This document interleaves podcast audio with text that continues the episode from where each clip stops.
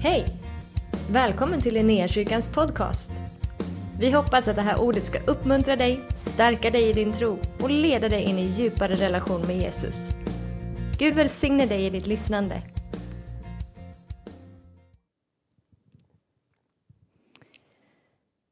Vi ska förflytta oss till Getsemane trädgård när Jesus har firat en första nattvarden eller sista måltiden tillsammans med sina lärjungar så går de till Getsemane och Jesus ber och han ber sina lärjungar att de ska be tillsammans med honom.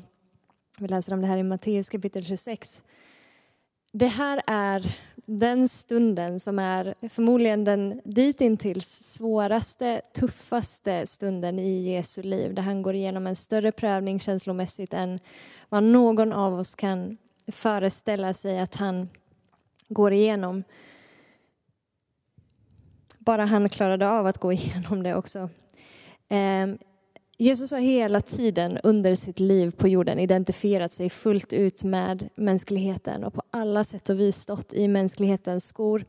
Han har eh, fått utstå psykisk, psykisk och fysisk misshandel. Han har mött alla mänskliga känslor som vi får möta av glädje, av sorg, eh, ilska. Eh, han har mött trötthet, han har mött hunger. Han får utstå svek och han får utstå hån.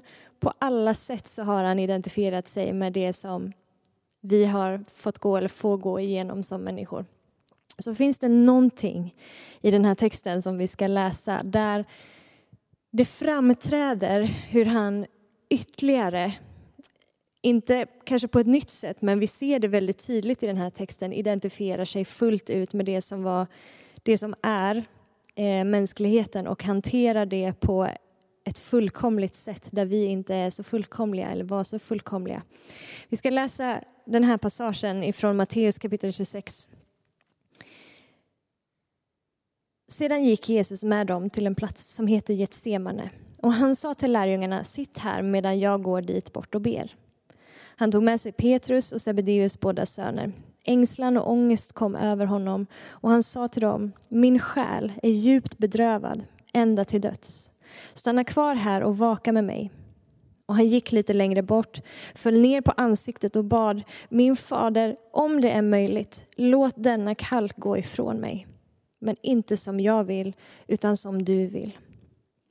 När han kom tillbaka till lärjungarna fann han att de sov. Och fann att de sov så sa han till Petrus, kunde ni då inte vaka en kort stund med mig? Håll er vakna och be så att ni inte kommer i frestelse. Anden är villig men köttet är svagt. Sen gick han bort för andra gången och bad, min fader, om denna kalk inte kan tas ifrån mig, utan jag måste dricka den, så sker din vilja. Han kom tillbaka och fann ännu en gång att de sov, så tunga av sömn var deras ögon. Då lämnade han dem och gick åter bort och bad för tredje gången med samma ord. Sen gick han till lärjungarna och sa till dem, ni sover nu och vilar er. Se, stunden har kommit då Människosonen ska överlämnas i syndares händer. Stig upp, låt oss gå. Se, han som förråder mig är nu här. Det finns en fras som återkommer tre gånger här i Jesu bön. Ske inte min vilja, utan din vilja, säger han till Fadern. Gud, om det finns ett sätt att det här inte ska behöva hända, för det här är så jobbigt, så låt det bli så. Men om det inte finns något sådant sätt så väljer jag ändå att böja mig under dig. Här ser vi hur Jesus hanterar det som var är mänsklighetens kanske största problem, eller det som är liksom den yttersta konsekvensen av syndens makt i våra liv på något sätt. Och det är att underordna sig Gud. Att böja sig under honom och låta honom vara Herre. Om man läser eh, berättelsen från när Jesus rider in i Jerusalem och sen framåt under den veckan innan vi kommer in till den här stunden med den sista måltiden. Om vi läser den från Johannes evangeliet så ser vi att någonting av det som Jesus talar om de här sista dagarna är att han ger dem en liknelse om ett vetekorn. Och då står det så här. Jesus svarade Stunden har kommit då Människosonen ska förhärligas. Amen, amen säger jag er. Om vetekornet inte faller i jorden och dör förblir det ett ensamt korn. Men om det dör bär det rik frukt. Den som älskar sitt liv förlorar det och den som hatar sitt liv i den här världen, han ska bevara det och vinna evigt liv. Om någon vill tjäna mig ska han följa mig och där jag är kommer också min tjänare att vara. Om någon tjänar mig ska min fader ära honom. När han talar om det här vetekornet som behöver falla ner i, i jorden och dö för att det faktiskt ska bära liv och bära frukt. Så både profeterar han om sin egen död och uppståndelse men det finns också någonting i detta som han säger till sina efterföljare som är en andlig princip för oss som handlar om att släppa taget om sitt eget liv, att dö, om man så vill, ifrån jaget. Ehm, Kanske frågan är vad eller vem älskar vi mest? Älskar vi oss själva på det sättet att vi inte vill släppa taget om vårt eget liv, att vi inte vill böja oss under Gud? Eller älskar vi honom mest av allt? Vi ser också hur Jesus de här sista dagarna, någonting av det som han undervisar om eh, är när fariseerna frågar honom, vilket är det största budet i lagen? Och Jesus säger, du ska älska Herren din Gud av hela ditt hjärta, av hela din själ, av hela ditt förstånd. Och du ska älska din nästa som dig själv. Texten som är då för den här dagen, Jesus i Getsemane, ske, min, ske din vilja och inte min, får oss att utmanas i att kalibreras i just detta. Vart våran kärlek står först och främst. Vem det är som först och främst, eller vad som först och främst är det som avgör vilket beslut eller vilka val som jag gör i, mina, som jag gör i mitt liv. Är jag driven av behov? Drivs jag av opinion? Drivs jag av, av tryck eller press? Drivs jag av mänskliga lojaliteter?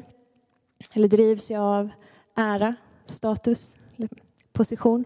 Och vad händer i mig när jag ställs inför en situation som är pressad och där det faktiskt kostar mig någonting att följa Jesus, där det kostar mig någonting att säga ske din vilja och inte min. När jag behöver ge upp någonting, då ställs den här grejen på sin spets. Hur många gånger har inte jag funnit mig själv i situationen där jag har sagt Gud, ske din vilja med mig, ske din vilja i mitt liv. Men sen lite undermedvetet så har det ändå funnits i mig, fast bara om det sker på det här sättet. Det är som att jag någonstans ändå långt inne tänker att jag ska diktera villkoren. Jag vill leva helt överlåtet till dig Gud, fast det måste bli så här. Annars vet jag inte om jag vill vara med i matchen.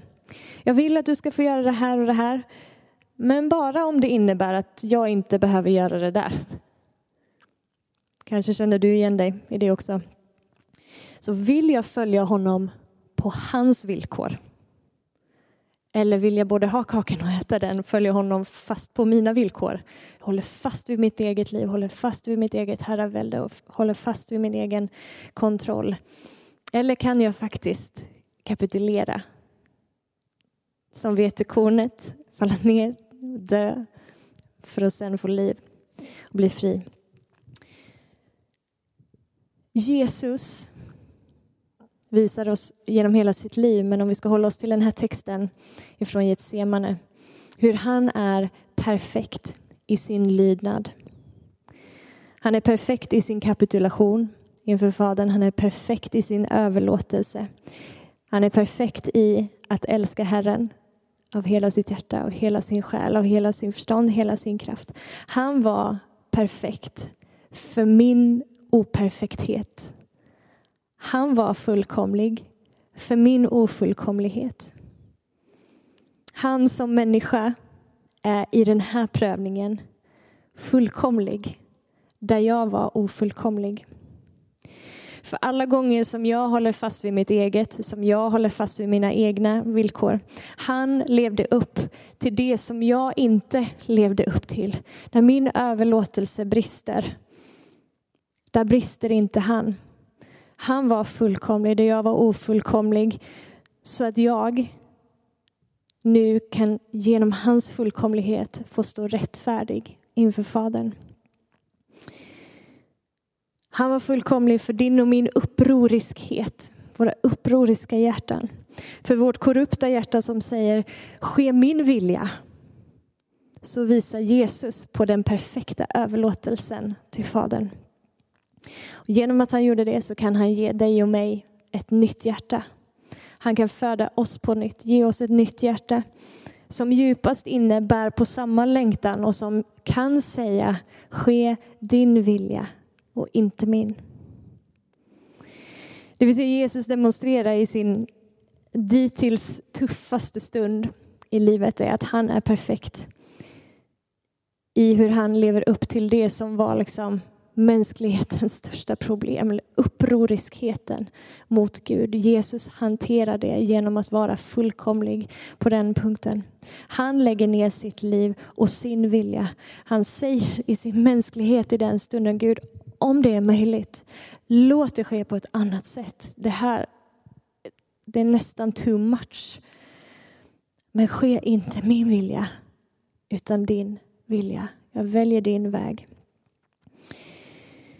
Även när han svettas blod och har ångest och helst vill fly så väljer han att underordna sig.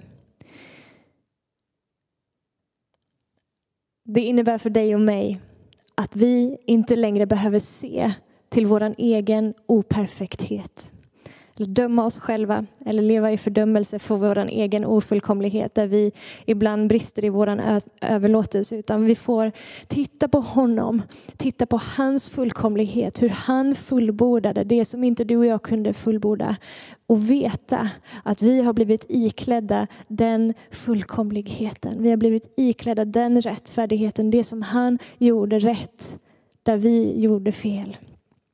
Vi kan komma inför Fadern för att Jesus var fullkomlig och levde upp till det som vi inte kunde leva upp till.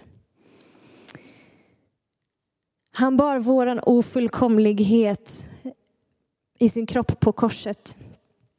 För att vi inte längre skulle behöva lyssna på anklagarens röst som fördömer oss när vi brister i vår lydnad eller i vår överlåtelse eller vår förmåga att släppa taget med våra egna liv, eller när vi håller fast vid vårt eget och oss själva. När anklagarens röst kommer och talar om för oss allt som vi misslyckas med och, och, inte lever upp till så kan vi istället få lyssna till Guds ande som pekar på och för våran blick till han som är fullkomlig och som klarade av att leva upp till allt det där när det kommer till överlåtelse och att lägga ner sitt liv. Jesus var fullkomlig som människa och visade oss på det liv som vi nu kan leva som människor tack vare det liv som han levde. Och hans ande i mig, genom att han har fött mig på nytt och gett mig del av sin ande, fyllt mig med sin ande, så kan jag genom hans ande i mig säga samma sak som Jesus gjorde i den här svåraste stunden. Ske inte min vilja, Gud, utan ske din vilja. Jag kan lägga ner min egen preferens, mitt eget tycke, mitt eget smak, eh, min egen bekvämlighet, min egen kontroll. För anden i mig vittnar om en annan väg som är möjlig för mig att gå för att det fanns en som var fullkomlig i att vandra den vägen. I den här överlåtelsen, in the surrender, i den fullständiga döden från mig själv där jag inte liksom säger ske min vilja på mitt sätt, på mina villkor, på min agenda utan i den fullständiga liksom kapitulationen inför Gud. Där förlöses hans liv. Där förlöses och frigörs hans kraft i mitt liv. Där strömmar nåden in, där väller nåden in som en mäktig flod i dig och genom dig. Hans uppståndelsekraft som är helt ostoppbar i ditt och mitt liv. Där i ligger min fullständiga tillfredsställelse. Att låta vetekornet falla ner till jorden och dö. Att ge efter för anden i mig. Där får det sanna livet plats. Och där kan det sanna livet blomma. Vi ber. Jesus Kristus, vi tackar dig att du var fullkomlig, att du är fullkomlig. Där vi har brustit, där jag har brustit, där jag har liksom velat gå min egen väg, där jag har varit så rädd för att släppa taget om mitt eget liv och mina egna villkor eller min egen agenda så tackar vi dig att du här i ett semane trädgård under press, under ångest, under vånda så visar du på den fullkomliga vägen. Och du levde upp till det som vi inte kunde leva upp till och du säger, du böjer dig inför Fadern och säger, ske inte min vilja utan din vilja. Vi tackar dig helige Ande att vi får ha Jesus som exempel och att det nu har blivit möjligt för oss att komma inför Fadern för att vi har blivit klädda i den fullkomligheten. Vi har blivit klädda i den rättfärdigheten och vi får komma på grund av Jesu liv inför dig Gud och stå fläckfria inför dig Herre. Tack att du lyfter våran blick. Vi behöver inte titta på våran egen brist vår egen operfekthet utan vi får se på din fullkomlighet. Vi tackar dig att du har fött oss på nytt. Att du har gett oss av din ande och andens liv i oss gör det möjligt för oss att säga samma sak som du sa Jesus, ske inte min vilja men din vilja. Att vi när vi vandrar i anden faktiskt kan leva ett liv som är i kapitulation inför Gud här. Och jag ber Gud för, för mitt eget liv och för hela ditt folk att vi ännu mer skulle välja den vägen. Att vi fick vara som det där vetekornet som inte älskar vårt eget liv mest av allt utan vi älskar dig mest av allt. Så att vi är beredda att falla ner i jorden och dö på något vis. För att ditt liv, för att din uppståndelsekraft på riktigt skulle kunna få liksom strömma igenom, bryta igenom på våran insida här. Att vi fick resa oss i det livet här och bara känna att nåd och åter nåd och liv och kärlek bara bubblar och pumpar ut ur våra liv. Hmm. Vi tackar dig för det, tackar dig för den uppståndelsekraften som mäktigt får verka i oss. Vägen genom kapitulationen som du Jesus först gick och därför kan vi också vandra den. I Jesu namn. Amen. Tack för att du har varit med oss. Hoppas du känner dig inspirerad av Guds ord och har fått nya perspektiv. Hör gärna av dig till oss och berätta om Gud har rört vid dig på något sätt. Vi är så glada att få höra vittnesbörd om vad Gud gör. Du kan mejla oss på adressen info och dit kan du även mejla om du har ett böneämne som du önskar att vi ber för. Eller om du har tagit emot Jesus och inte har någon bibel så vill vi mer än gärna skicka en bibel till dig. Skicka ett mejl med ditt namn och dina adressuppgifter till info.linneahuset.se så ser vi till att du får en. Om du vill ge en gåva till Linnéakyrkans arbete för att nå fler människor med evangelium så kan du swisha till 123 520 0993. Du kan också besöka oss på linneakyrkan.se för att få mer information. Välkommen tillbaka att lyssna snart igen.